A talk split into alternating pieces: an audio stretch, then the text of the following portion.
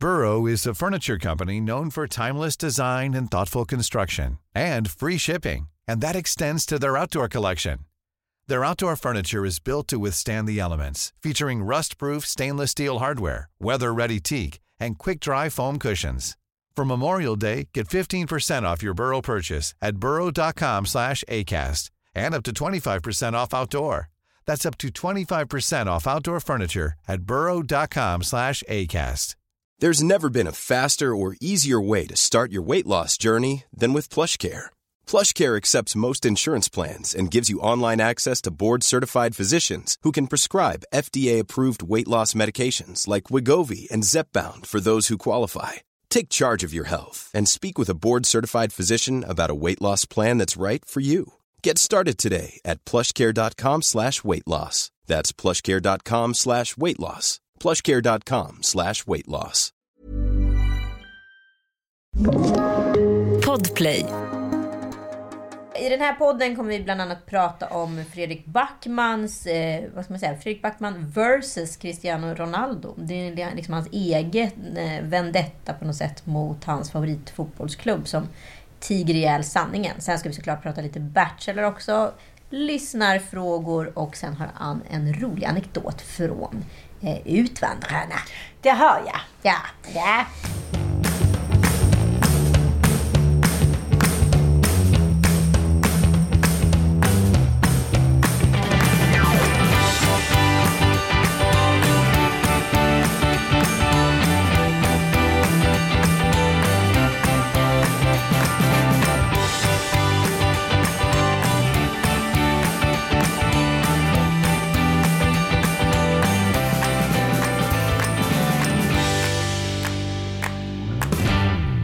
Nej men nu sitter hon här och nio i min säng. Det känns tryggast så.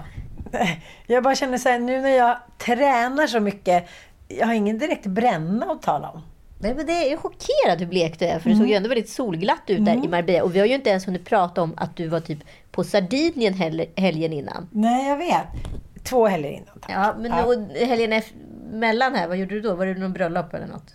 Ja, precis. Ja, just precis. det. Alltså, du, är hemma, Ja. du är hemma med Jag är hemma nu tillfälligt, Ja, för nu ska jag flytta till Marbella. Ja, precis. Och nu ska vi se. Och gången innan där så var det ju Lidingöloppet. Ja. Och sen har det varit Vätternrundan, sen har det varit Vansbrosimmet. Så var det ett Precis. bröllop till och så var det Gotland på spontan helg med tjejer. Vadå, vad, vilket bröllop har jag varit på till bröllop? Du var ju på Miss Chablis-bröllopet. Just det, just det, jag har varit på två bröllop. Ja. Eh, ja, Har du fyllt 30? ja, jag. Vilken dag som helst. Det låter som det är tempo för en 30-åring. Ja, nej men nu kände jag faktiskt lite när vi eh, gick upp där klockan eh, halv fyra i morse att jag kände så här. Nej men nu är jag klar. Nej, men det vet ju du att det gäller ungefär i tre... Nu räcker det! Nej, det gäller ju för Ann Söderlund ungefär tre minuter. När Ann Söderlund säger nu räcker det, då betyder det att det gäller veckan ut. Sen kan det komma på noll igen. De har simmat runt i ett varv. Göteborg på höstlovet och Idre. Ja, ja, ja, ja. Nej, men, Vad men, var det som räckte då? En nej, vecka? nej, jag vet. Men, men jag, jag kände mig faktiskt eh, lite sportsliten. Det här är ju människor då som tränar väldigt mycket och idrottar väldigt mycket. Så de vill ju köra paddel både förmiddag kväll.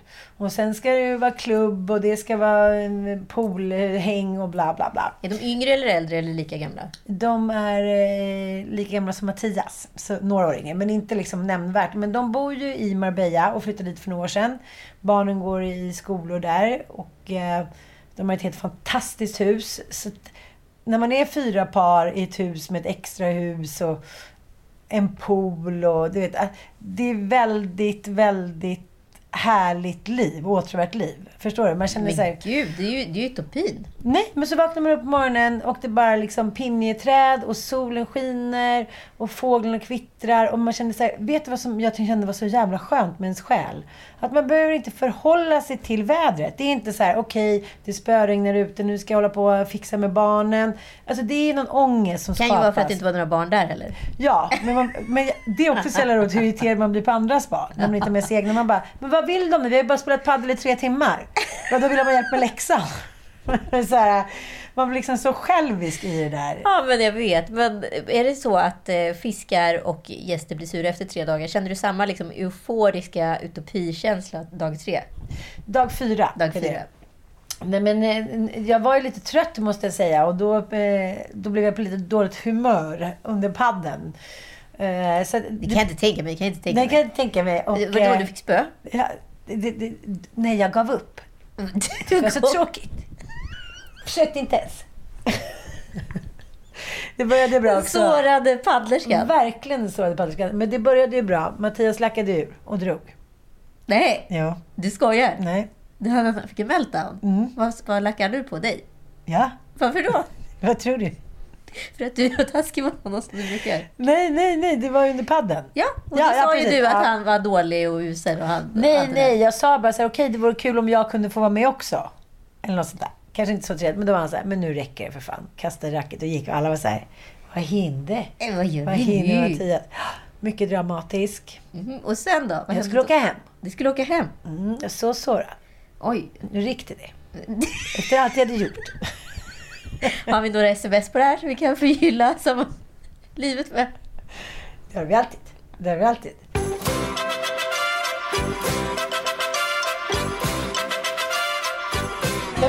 Det, det blev ju en missuppfattning. Mm. Men med vår historia så förstår jag ju kanske att han eh, ja, reagerade lite starkare. Men det var att ingen såg it coming. Och det är inte så ofta som Mattias liksom... Han har, ganska, han har ju en ganska hög toleranströskel när det kommer till dig och ditt spelhumör. Ja. För det är ju, det är ju en, det är ju en låtsas-Ann. Det, Ja. det, är ju en- det är ju den lilla onda Ann. Ja, men det är ju ett problem och det, det är ju svårt. Och det var ju, det var ju, varje dag var det ett nytt par som liksom tjafsade lite. Och så, så jag bara kände så att, men hur kan man ta det här med padel på sånt allvar? När liksom när ingen ändå kan spela. Alltså, alla tror att de är så duktiga på padel och hiten och diten.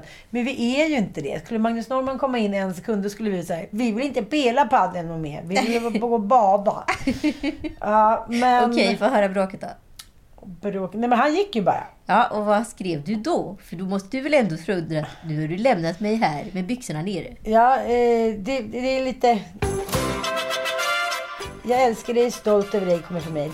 Och sen, du kan dra, jag åker hem imorgon. Då får du åka. ja, Hur långt var det mellan de här sms? Ja, och sen skrev han då att han mådde dåligt och var ledsen. Och så skrev, jag, blev också ledsen. Du märker inga hjärtan, ingenting. bara Nej, du, du kan. Jag är iskall, men han jobbar på med hjärtan och han är så ledsen. Och så här. Eh, Jag kommer och hjälper dig bär. Tack. De letar efter bubbel. Ja, så att... Eh, alltså, i och för sig ganska passionerat. Ja, så ni hade make-up-sex? Ja, det hade vi lite senare. Ja, det var både handtrallor och det var så mycket där Men nere i gud vad du måste vara grafisk hela tiden. Alltså måste jag veta det här? Trall, trall. Nej, men det var härligt. Och det, var, det, det är härligt att vara utan barn i den där miljön. Och jag, jag fattar ju att så många svenskar, är det inte typ så här 90 000 svenskar som har flyttat hit? Jo men alltså det är så många som Mm. Alexander Pärleros, Katrin Zytomierska, Bettina Philipsson, för att nämna några. Jo, men alltså, det, är helt, det är inte sådär som när man är i Kenya, att man går upp och bara säger Gud, det är det varmaste jag varit med om hittills, vi kan inte sitta i solen. Det är bara så här smooth hela tiden. Det finns massa roliga grejer att göra, det finns så bra skolor, bla bla. Så nu har vi alla skrivit in barnen i svenska skolan. Lensway är en av Europas största webbutiker för glasögon, kontaktlinser och solglasögon. Med rabattkoden LILLLORDA får du just nu 15% extra rabatt på glasögon hos Lensway. Som denna vecka redan har, vänta ta, upp till 70% rabatt på glasögon på sin hemsida. Vilken tur, tänker jag, Ann Söderlund, eftersom jag såg dig haffa din systers terminalglasögon. Jajamensan, det gjorde du. Att när vi träffades skulle jag läsa upp en grej för henne, men då såg jag inte vad det stod och då fick jag låna hennes glasögon. Men hennes glasögon är så himla snygga så då, då behöll jag liksom dem. Ah, jag fattar. Men det är ju inte riktigt hållbart, eller? Nej men jag vet, men, men ärligt talat, det är inte så himla lätt att hela tiden hinna med att handla, ta hand om barn, jobba och sen också springa iväg till affären och kolla på glasögon. Du vet hur svårt jag har för att bestämma mig. Ja, men det är därför det är så smidigt att beställa från Lensway. För man får alltså hem fyra olika bågar och man kan alltså prova de här upp i, till tio dagar innan man bestämmer sig. Jag vet, man, man behöver ju inte, till exempel du är ju bättre än jag på att bestämma mig. Så att man behöver inte ha fyra par, men om man vill så får man ju ha fyra par. Ja, det är ju just det som är grejen. Det är ju liksom rätt trevligt att slippa en butik och istället för att kunna testa hemma med familjen och få kritik direkt kan man väl säga. Ja, eller uppmuntran. Jag tycker också att det är så svårt att bestämma sig. För dagen efter så kan man ju vara så mycket snyggare i de där lite mer tokiga glasögonen än vad man var dagen innan när man var lite söndagstråkig. Precis. Med rabattkoden LILLELÅRDA får du just nu 15% extra rabatt på glasögon hos Lensway. Och den här veckan har ju Lensway redan upp till 70% rabatt på glasögon på sin hemsida. sjukt. Nej, men det, men gud, det här blir nästan gratis. Jag kan ju ta fram min gamla sparbössa. Man vet liksom inte om de är genier eller galningar. Ah, ja. Men erbjudandet är ju som ni har förstått nästan för bra. Och inte nog med det, de erbjuder även denna vecka gratis blåljusfilter till de glasögon man beställer. Och är det några som behöver det så är det just vi två. Så mycket blått ljus från olika skärmar som vi exponeras av varje dag. Det är faktiskt en sensationell skillnad för ögonen. Jag har märkt det i paddelhallen att man är jättekänslig för starka lampor. Du måste hänga upp med det. Precis, det är därför vi missar bollarna. Ja, exakt, jag skyller på det. In och boka era glasögon nu! Hej då! Det var väldigt mysigt, men jag blir, så att det är liksom, jag blir lite fnisig när jag är där. För att det är verkligen som att slungas tillbaka till vad ska man säga, stämningen och eh, moralen under ens gymnasietid. Mm. Okej, berätta. Ge ett exempel. Ja, men på fredagen skulle vi gå ut då och, och gå på en klubb som heter Mamsell. Jag vet inte om, om den är känd. Ingen aning. Nej, men, men liksom supersnygg eh, klubb och krog och man sitter ute och man har utsikt över hela liksom, stan. Och, ja, men det är bara en härlig känsla att komma in där. Liksom. Eh, vi sätter oss vid ett bord, det är någon stor så här, reklam... Eh, eh, TV bakom. Jag är såhär, gud jag känner mig som jag känner. Jag bara, excuse me, is it rolling all, all the dinner? Is it rolling? Is it rolling on the dinner? Ah, Okej. Okay. Oh, it's, so, it's, it's so much light here. Uh, ah. Hur som helst, och så skulle vi gå dit eftersom det skulle vara då en show under middagen. Och då sa jag på skämt men det kanske är lite som eh, Wallmans salonger på 90-talet. Så bara, eh, kan man bara, nej det ska det inte vara. Det är så riktigt proffsigt liksom. Och så här, ja, vi tar en drink och livets glada dagar.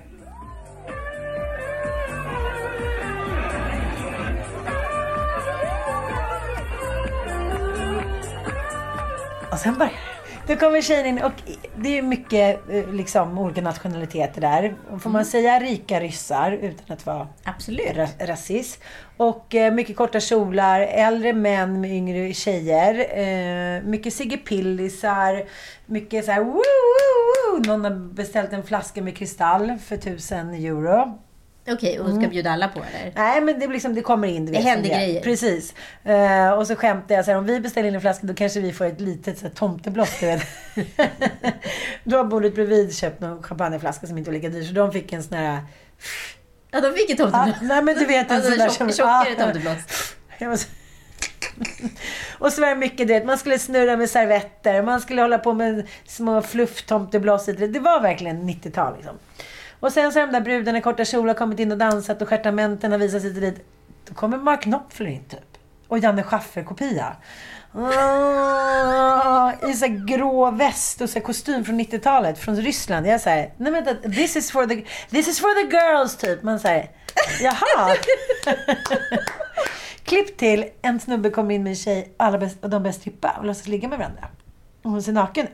Vi bara säger, jaha, okej, nu var det stripp. Jag älskar att knappt applåden hänger med. Ja, men- liksom Nej men du vet, ingen, är helt statisk Nej. mellan alla akterna.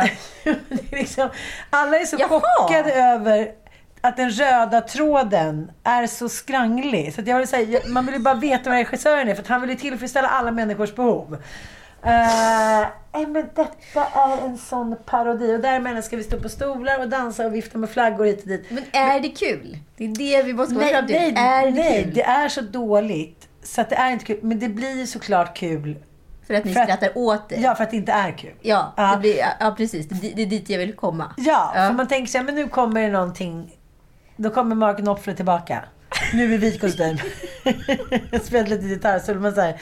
Eh, och personalen tycker det är så dåligt så de, de försöker klappa lite händer men orkar inte för det är för dåligt. Och alla runt omkring vid borden tycker att det är för dåligt. Och då har ju alla, alla petat i sig lite bubbel och kvällen går ju. Men det, är liksom, det kommer aldrig igång. Det är verkligen... Nej, men det, är liksom, det är så sensationellt dåligt. Och sen på slutet då, då kommer Diana Ross in igen. Ibland har man ju kul när man är på såna där. För det är ju lite som att gå till, liksom, inget ont om Gävle, men att gå liksom på den lokala Mm. Karaokebaren i Gävle kan vara också fruktansvärt roligt. Och inte för att jag kanske tycker... Jag kommer ju med mitt storstadsförakt och skrattar åt. Jo, jag fattar. Fast det här, alltså, när du går in eh, i Gävle eller jag går in i Jönköping på någon gammal bar. Då är det ju inte det att det är, så här, det är förtäckt till liksom den fetaste baren i Monte Nej, utan det här blir ju tvärtom Ja. grejen. Så här, är, här hamnar man liksom på karaokebaren i Gävle fast i Marbella och folk betalar sinnessjukt dyra pengar för detta. Och, och det inte... Och då blir det ju skratt, då blir skratt på en annan nivå. Liksom. Ja, för, för liksom ställa inredningen och interiören är ju inte 90-tal. Utan först blir jag och Maria eh, stoppade för callgirls typ. Så vi kallade tillbaka. Vi gick lite efter för jag skulle ta en bild när hon gick upp då. För, så, att- så man kommer in och ser så upplyst med champagneflaskor. Så det är ju väldigt liksom classy och flådigt. Och det är därför så kommer man ut så är det runda bord och det är bara blommor och träd. Och det är liksom väldigt, väldigt så här, top notch. Och det är därför när man ser tredje gången när typ Janne Schaffer kommer in med så här gitarrsolo som man tänker så här, nej men nu måste vi jobba lite med showen också. Det, det måste vi faktiskt göra. Men avslutningsvis då när, när ingen ens orkar liksom... då delar oss tillbaka. Ja, vilken tur. Mm, och då är det en kavalkad av tåg med, med tjejer utan klänningar och kjolar. Strippi, strippi, stripp. Det, Och det, det- känns ju som, jag kollar på så här, ett päron till farsa i Europa. Du vet när de åker till Frankrike och är på så här topless-bar. Mm. Ja, just det. Det låter lite så. Det, nu pratar vi 80-tal.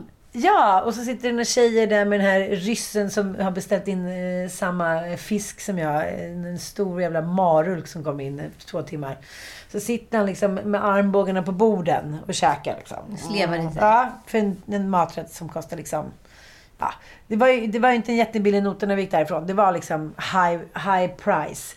Men eh, liksom paritet... High price. Ja. Eh, pariteten, alltså det gick liksom inte att matcha. Det blev inte tillräckligt...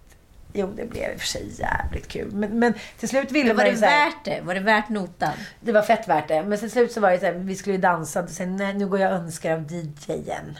Ja, du kom dit. Ja, men du vet de här versionerna av bra låtar som man ändå blev det som att man var på typ en... eh, Karaokebar.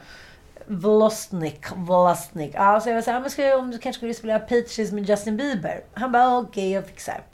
En minut senare kommer en innovation som vi aldrig kommer föra förr eller senare för han måste så bara snabbmixa den för att sätta dit mig. Jag menar, Kalifornien, Kalifornien, Kalifornien, Det var så dåligt så det, vi dansade på där och eh, Ja, men det var ändå väldigt, väldigt roligt. Men då kände jag, eh, när jag tittade lite på periferin så sitter det typ en 79-årig gubbe eh, med slankedonk och en supersnygg 20 år någonting. Och det slaskas loss. Oj! Mm, och det är helt öppet och hon sitter i knät där och det tafsas hit och dit och det kände jag så här. Nej men metoo har inte nått hit. Ingen kan höra dig skrika liksom. Nej men det känns ju som alla de här, vad ska jag säga, allt från så här Saint-Tropez till Marbella. Alla de här kuststäderna. Mm. De är liksom med mycket pengar i potten. De har liksom fått en sköld mot Mm. metoo. Och de funkar ju nästan lite som en fotbollsklubb skulle man kunna säga. Precis. De är inte intresserade av att eh, höra sanningen. Nej, och pengar talar. Ja, men det var ju en bra och härlig rapport från eh, Marbella, det måste jag ju säga. Men jag, jag förstår ändå hela den här äh, känslan. För att när man är där, man, man kan ju till exempel lika gärna bo där ett år som att bo här ett år. Ja, men vill man bo där ett år efter fyra dagar? Kände man att man var färdig eller vill man bo kvar? Nej, jag kände inte alls att jag var färdig. Men jag kände kanske inte ett år. Men jag träffade ju lite olika familjer som hade flyttat. Som precis var på det klara. De hade liksom fixat huset och renoverat klart. Och de hade in med barnen på bästa skolan och förskolan. Och sen så var de där och så kände de bara så här. Nej men vad fan gör vi i Sverige? Mm. Och så har de liksom bara stuckit och sen har de inte åkt hem igen. Det låter ju superhärligt. Samtidigt så eh, hörde jag om, talas om Alexander Pärleros väldigt traumatiska förlossning med hans fru Ida Warg såklart. Eh, som nu bor nere i Marbella och födde barn. Sen visade det sig att den här försäkringen hade inte hade täckt barnen. Så där låg då Ida och kved utav smärta utan smärtstillande innan Alexander Glatt fick hosta sina glada 30 lökar för att han skulle sätta in lite smärtstillande i henne och få ut den där bebisen. Eh, så Det det, drabbar väl sig ingen fattig. det drabbar i och för sig ingen fattig. Om inte annars får ju Ida betala det som vars eh, märke omsatte 100 miljoner förra året. Ida Warg Cosmetic. Ja, hur som helst. Och, Så och vi så har vi ju Katrin. Stomjärska som liksom gjorde ett eget självförverkligande och skaffade någon lägenhet som sen visade sig vara värsta blufflägenheten. Eh, Så alla har, går ju, det, går ju, det är ju inte en smooth transition för alla. Ska vi inte säga. Nej, det, det är inte. Men jag tänker lite, särskilt under de här åren när barnen börjar bli lite större. När de är så här, som mina minsta killar, fem och sju. Mm. Och Dante ska börja gymnasiet nästa år. Och liksom, ja, han kanske. Han kan flyga själv. Ja, och det kan man göra på distans. Det är alltid någonting, någon orsak till att man inte kan göra det. Förstår du? Och det är lite som våra kompisar. De säger så här, det är klart att vi har ett fint hus här, men vi lever ju inte så mycket dyrare här än vad vi gjorde hemma i Vasastan. Nej. Och man behöver ju liksom, de, man behöver inte sälja allting, man kan ju hyra ut. Men, men allting går ju väldigt smooth. Det finns en skola, det finns en förskola. Det är bara att man byter liv ett tag och fokuserar på familjen och hänger med familjen. Men då måste man ju preppa lite och, så att man kan jobba därifrån. Men många kan ju det. Jag tänker också efter Corona så kommer det inte heller vara samma liksom stora grej. Så här, nu ska vi vandra utomlands och nu ska vi sälja allt och säga farväl till alla. Jag tror att den där mentala spärren har hakats bort lite. Eller vad känner du? Skulle du inte kunna tänka dig att flytta utomlands ett år typ? Inte just nu. Nej. Jag, jag har ju liksom varit där och nosat. Jag, jag känner... Nej men grundläggande har jag fet klimatångest som det är. Liksom, och känner ju mer och mer att jag kanske borde skaffa liksom ett, ett weekendhus eller ett land i Sverige och liksom vara mer hemma vid. Mm, Och inte sticka. Men frågan är om, även om man kan... Om det är lätt att lära gamla hundar att sitta. För att det finns ju ändå liksom det där suget bort hela tiden. Men eh, jag måste faktiskt säga att det har dämpats otroligt mycket efter, man, efter den här perioden. Jag har inte alls samma så här Jag kunde ju för fan vara ute och resa en gång i månaden tidigare. Mm, Men jag tänker mer så här, för du har ju säkert också pratat med, med Kalle och ja, men tidigare så här, "Ja, vi borde inte flytta till USA ett år eller Thailand några månader. Det är ju många som gör det, men då flyttar man ju på grund av att man kanske har fått ett jobb eller liknande. Det är alltid det att cash is king på sådana här ställen. Att det Nej. inte är roligt att åka dit och liksom ja, leva på sin fattigpension. Så är det ju. Nej, men jag kan också vara så här. Jag hade verkligen drömmen om LA och har den på ett sätt fortfarande. Men liksom mycket mer distanserad. Men dit vet jag att dit kan jag ju bara åka och jobba. Jag kan ju inte åka dit och liksom bränna en Nej, miljon på att inte nej. göra någonting. Då måste man ju faktiskt jobba. Annars blir det lite knas. Ja, men, men, men jag tänker att det kändes, så, det kändes så enkelt när man var där. Att, så här, att man hyrde ut sitt eget ställe, hängde där, barnen gick i svenska skolor. Alltså innan allting är så etablerat här hemma. Nu är jag ju klar med min etablering med de tre största. Mm. Så nu skulle de kunna åka över och Ilan är 18 och Ossian har flyttat hemifrån. Helt plötsligt så blev det bara en sån öppning. Och om man åker till exempel tre par och gör ett år. Gud Då blir det ju inte heller att det är så här, gud nu måste vi lära känna alla ni. Då kan man ju bara så här, spela paddel, jobba, bada lite i poolen. Det är Jag, jag bara tror att så här, man, man liksom... Man lär sig att bli liksom uttråkad var fan man än bor. Mm, Alltså, jag har varit borta som längst liksom, när jag gjort, ja, förutom när jag bodde utomlands i Paris. Liksom. Men i, i produktion fyra månader. Och till och med det blev tråkigt. mm. För att man är en rastlöst lagd person. Man är en utforskare, man vill uppleva, och man vill upptäcka, och man vill prova på. Men sen blir man liksom rätt så här, fan det är gött hemma. Ja, men jag, jag tror att du och jag skulle nog ha väldigt svårt för att så här, åka iväg och bara, vi ska bara hänga med barnen, träna lite paddel, mysa och gå ner till stranden. Men till exempel om man bestämmer sig för att skriva en bok. Då tror jag inte Marbella är kanske istället. Mordet i Marbella. Nej men att man har några så här fasta punkter som man har bestämt att man ska göra under tiden man är där. Då tror jag att det kan vara väldigt härligt. Ja, men jag tror så här, ska man flytta utomlands, i alla fall utifrån mitt perspektiv, måste jag ha ett assignment. Jag måste ha ett uppdrag. Ja. Och inte ett assignment som jag själv har hittat på för att så här, motivera min vardag. Utan så här, snarare att så här, det finns ett en uppgift att lösa. Annars kom- kommer jag bara bli... Jag vet, jag känner mig själv för bra. Jag, jag kommer bara bli rastlös. Och... Ja, men det är i alla fall en spännande tanke. Men man kan ju också lösa en uppgift på plats. Jag känner mig inte alls lika främmande för att så här, dra iväg längre. Förstår vad jag menar? Vi säger att man har då en uppgift som man ska göra, som man har fått ett uppdrag att göra.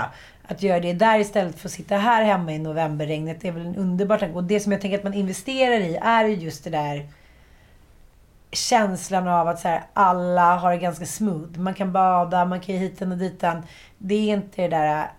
Nej, jag, jag vet. Och jag har en kompis som har flyttat till Spanien och liksom fått barn. Och flera andra kompisar som bor utomlands. Och det, det enda liksom gången som jag vet när de känner så här... Nej, det var inte så roligt. Det är när de blir sjuka. Mm. Då vill man vara i Sverige, man vill prata, lä- man vill prata svenska med läkaren. Man vill liksom få, alltså det, det, mm. I sårbara situationer så är det läskigt att bo utomlands. Sen tror jag att man vänjer sig med allting och det är väl bara liksom att ta sig Jag tänker också det som många av våra kompisar som bor till exempel i LA de verkar bara säga kolla, kolla the sunset, nu är vi nere på stranden. Och sen åker ju de ju hem på somrarna. Mm. Ja, det är ju värsta drömtillvaron. Ja, genidraget. Så det är så här, jag eh, ja, sådde ett litet frö. Vi får se, vi får se, vi får se. Fredrik Backman, den gode, från början journalisten va? Mm. Och sen, senare liksom succéförfattaren. En av de få svenskar som kan försörja, eller lever på sitt författarskap. Men han är ju stor liksom över hela världen. Ja. Björnstad bland annat eh, har han skrivit. Ja. Eh, men han blev ju känd med alla de här... En man som heter Ove. Precis. Och, mm.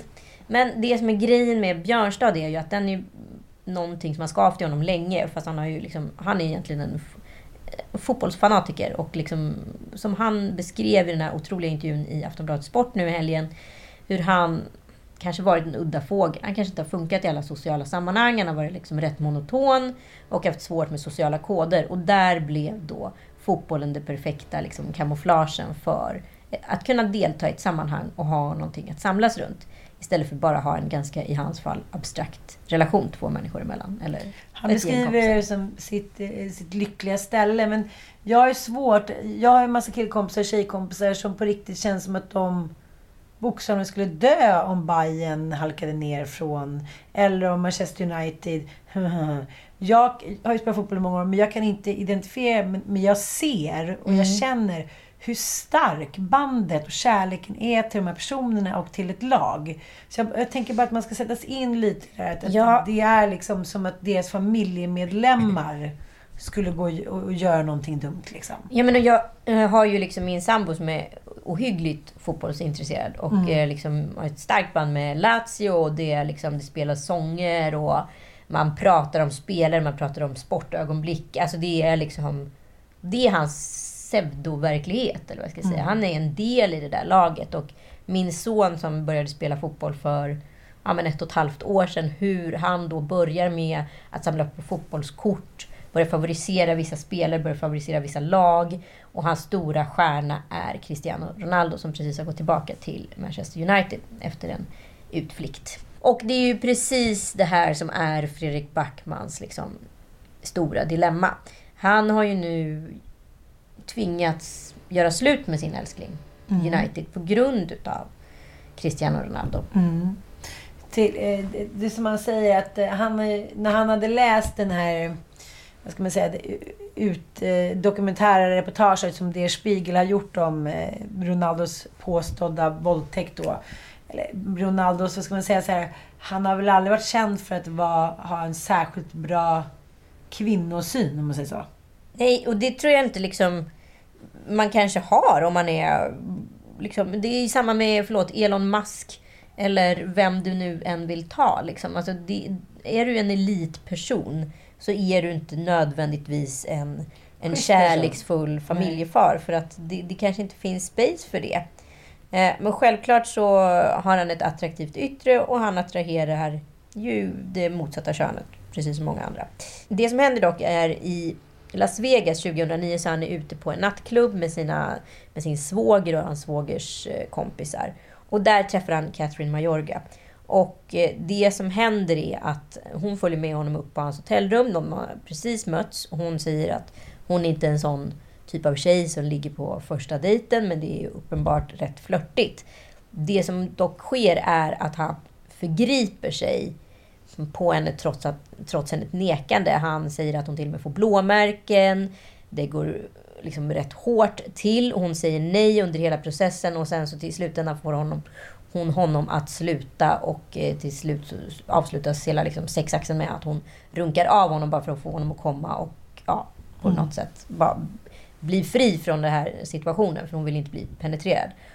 Eh, och hon känner sig superdum och liksom säger jag är inte den här typen av tjej, jag, jag vill inte det här. Liksom. Och går direkt, och han ber om ursäkt för att han har gått alldeles över gränsen.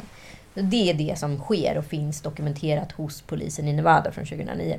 Och eh, hennes skador dokumenteras och så vidare. Vad som händer sen, det är det där historien tar vid. Precis. Uh, nej, men, men, sen så är det väl ganska tyst ett tag. Men sen som du sa, 2000, mellan 2009 och 2018 så ligger locket på. Men sen så trädde ju hon fram i Der Spiegel igen.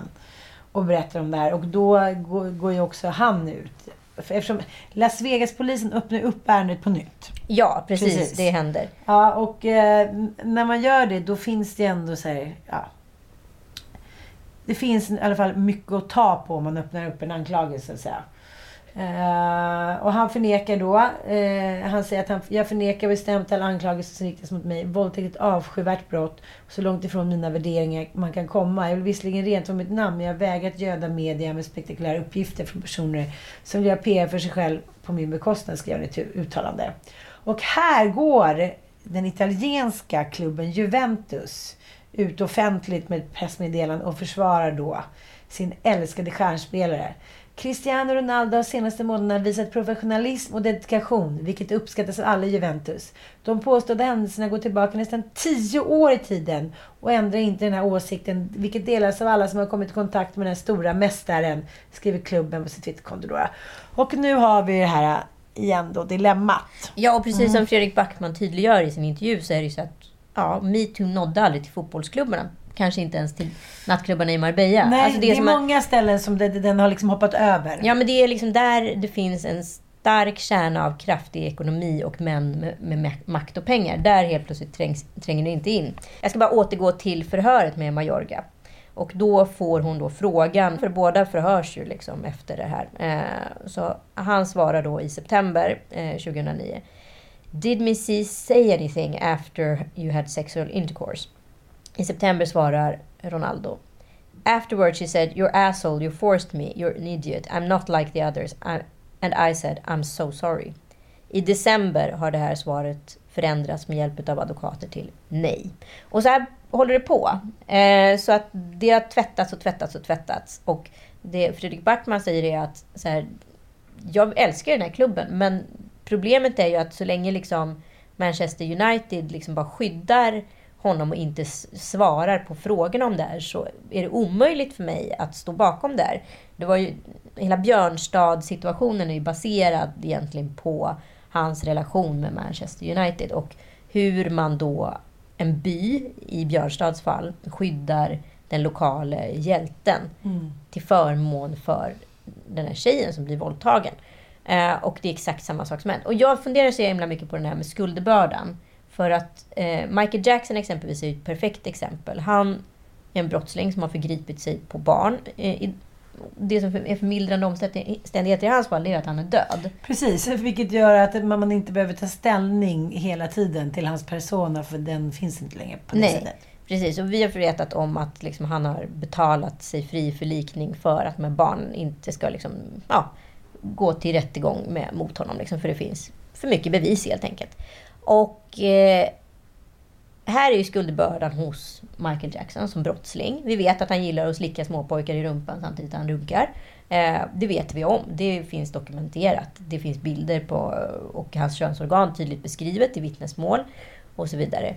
Eh, samtidigt så har han gjort en av världens bästa poplåtar. Eh, Många av ja, världens bästa Många av världens bästa poplåtar.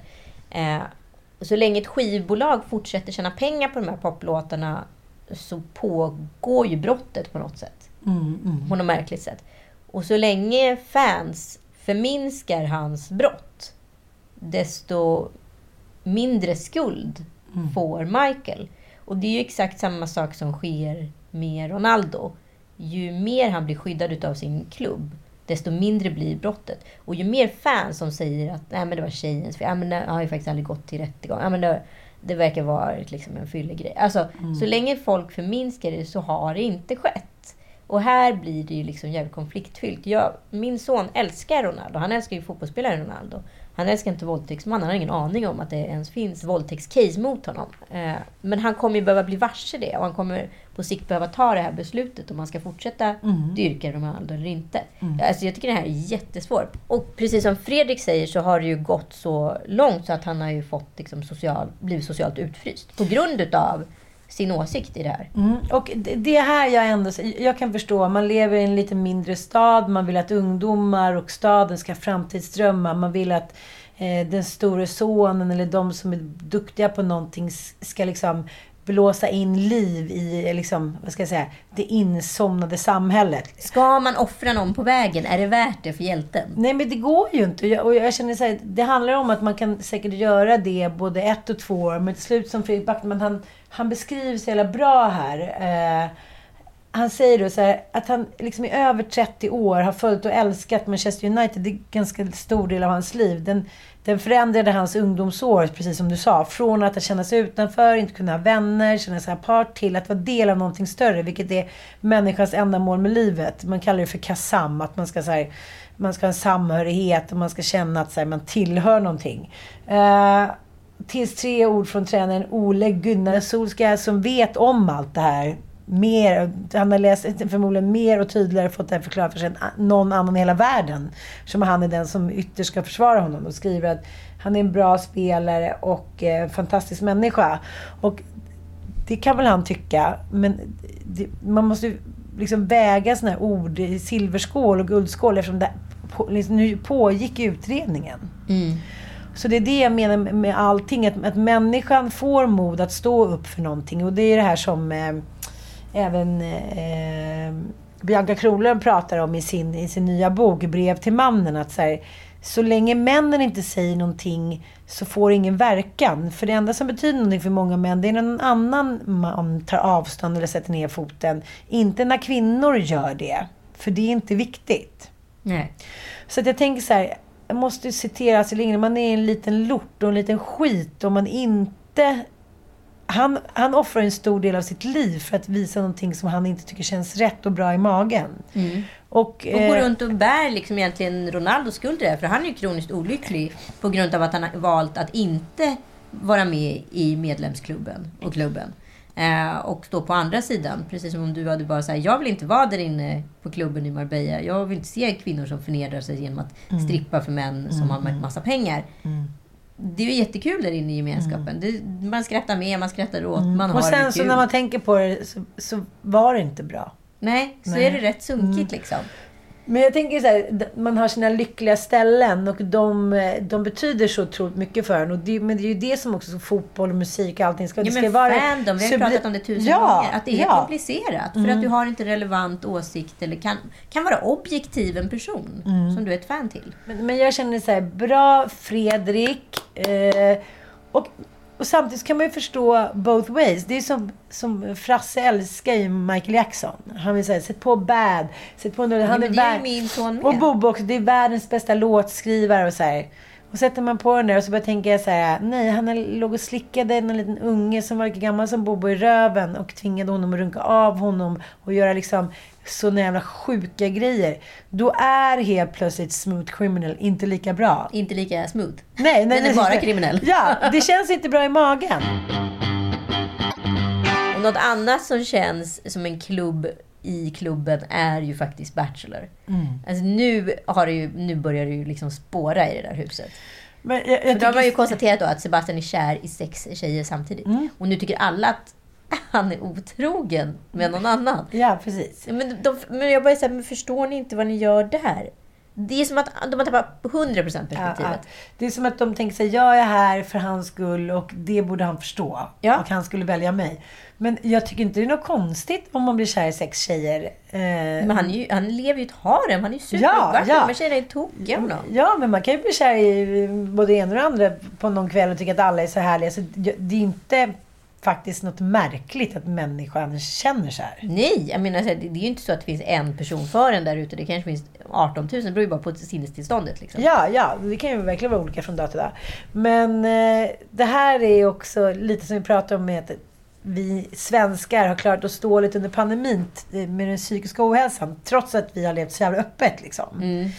Så känner jag lite där, ja, men, som det debatteras, pratas om, man pratar med psykologer, som, så här, kompisar som psykologer. Att det kommer dit unga tjejer och killar som så här, vill ta sitt liv för att de har blivit dumpade i fjärde klass. Mm. Och man säga, nej, nej, vi kan inte ta...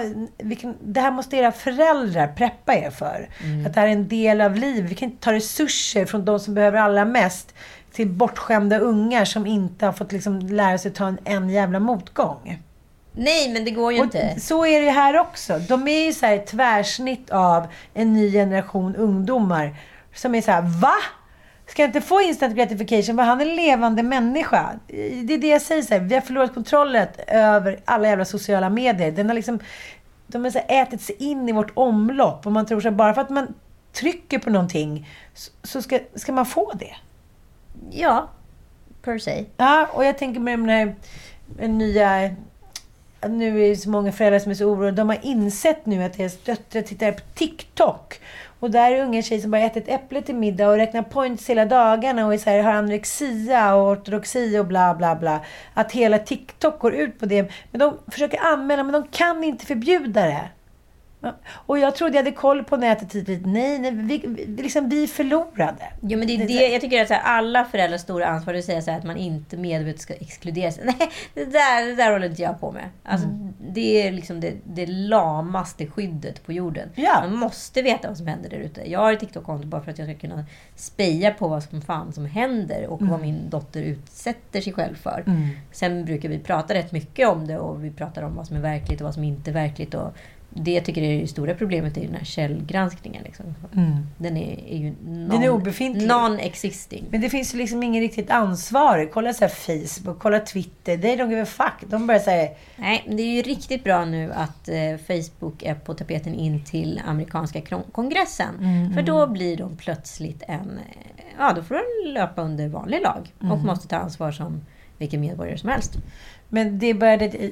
Jag, jag blir nästan lite så här när ännu en mamma eller ännu en skribent är här, jag, jag hade lovat mig själv att jag skulle ha koll på det här, men jag hade ingen aning. Och så mår unga tjejer dåligt. Ortodoxin utbredelsen har ökat med 80 procent. Och det här säger alla Vad är forskare. ortodoxin för de som inte förstår? Ortodoxi är ju när man blir besatt av sin kropp och av träning. Mm. Mm.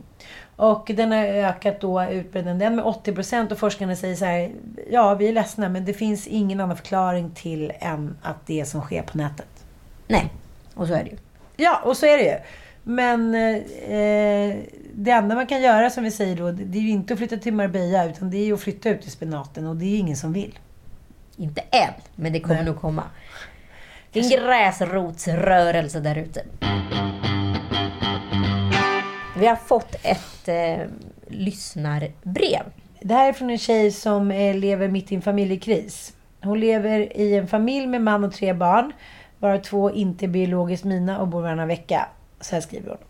Vår kris är hur man får ihop vardagen, hamnar på noll i utgångsläge vid varje överlämning när olika regler och förutsättningar i olika familjer och samarbete mellan föräldrar inte funkar.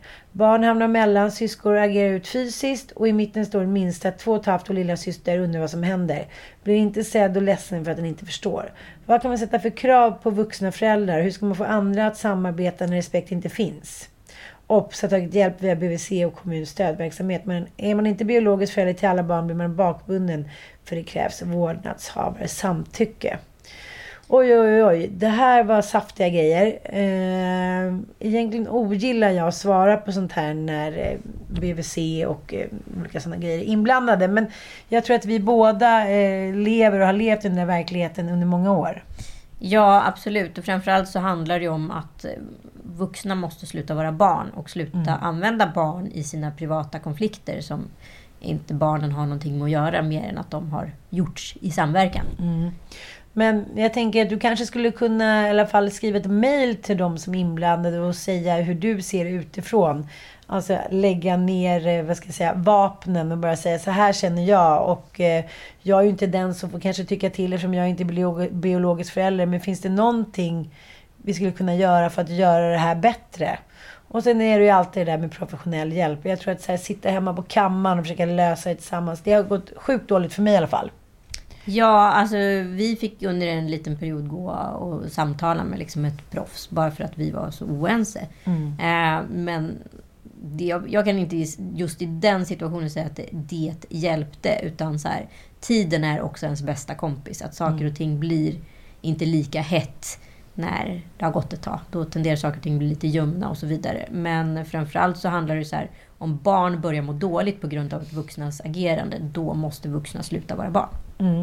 Eh, det gör de ju inte alltid. Så att jag tänker också att du kan kanske ta fram lite, så här, vad ska man säga, inom situationstecken bevismaterial.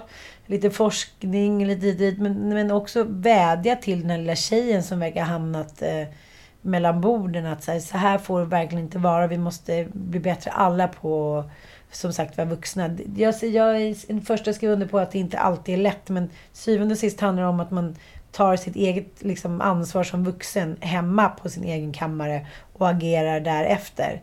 Det sorgliga som finns är när, när föräldrar skiter i att de så här, smular sönder barnen framför deras ögon. Ja, Ja, det är verkligen jättehemskt. Men jag håller med Ann. Eh, det är bara att liksom ta sitt vuxna ansvar. Men ja, jag förstår verkligen att det är superkonfliktfyllt. Vi har ju liksom aldrig haft någon annans barn att ta Nej. hänsyn till. Så att så här, eh, I våra situationer så är inte det lika tydligt. Men jag vet människor som har det och det är en, det är en familjekonflikt som kommer hänga i ett tag. Eh, så det är bara att fundera på hur man ska klara av och orka stå ut och hantera.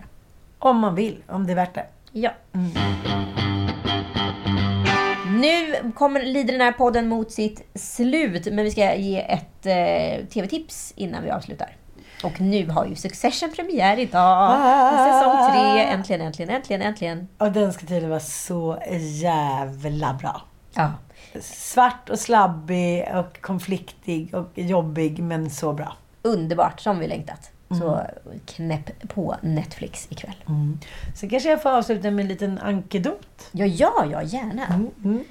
Eh, jag var ju på träningsresa som ni alla vet för några veckor sedan eh, med D-Flex. Eller, ja, han, det var väl hans artistnamn, var det inte det? Jo. På 90-talet. David Ceesay. Ja, precis. Han driver ju eh, ett gym här i Stockholm och var med på den här eh, gym, ja, träningsresan. Men han har ju också tränat väldigt många svenska skådisar inför deras roller.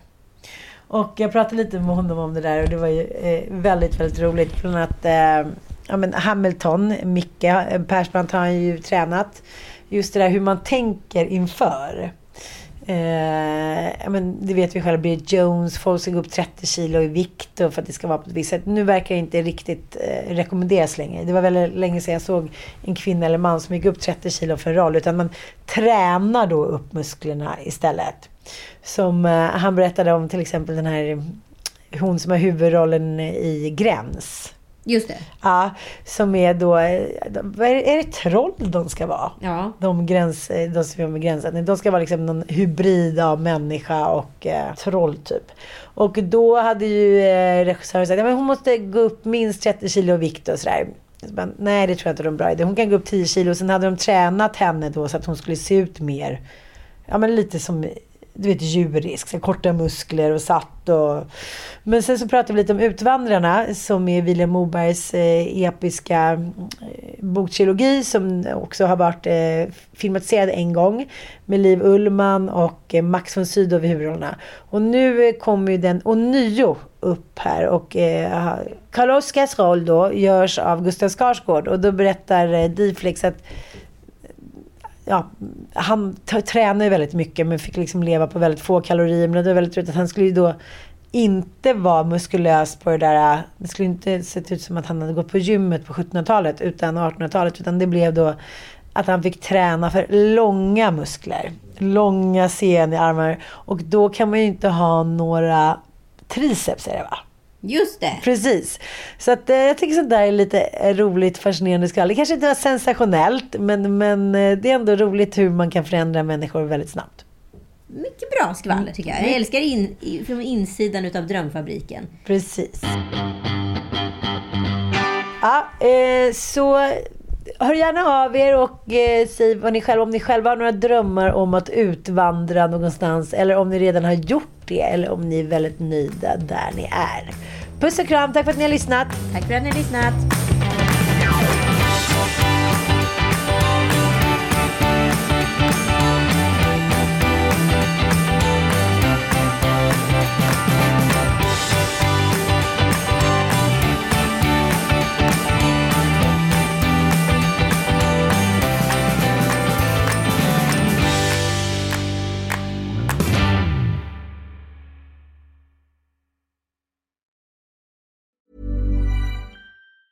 Planning for your next trip? Elevate your travel style with Quince. Quince has all the jet setting essentials you'll want for your next getaway, like European linen, premium luggage options, buttery soft Italian leather bags, and so much more. And it's all priced at 50 to 80% less than similar brands. Plus, Quince only works with factories that use safe and ethical manufacturing practices. Pack your bags with high-quality essentials you'll be wearing for vacations to come with Quince. Go to quince.com slash trip for free shipping and 365-day returns. Mom deserves the best, and there's no better place to shop for Mother's Day than Whole Foods Market. They're your destination for unbeatable savings, from premium gifts to show-stopping flowers and irresistible desserts. Start by saving 33% with Prime on all body care and candles. Then get a 15-stem bunch of tulips for just $9.99 each with Prime. Round out Mom's menu with festive rosé, irresistible berry chantilly cake, and more special treats. Come celebrate Mother's Day at Whole Foods Market.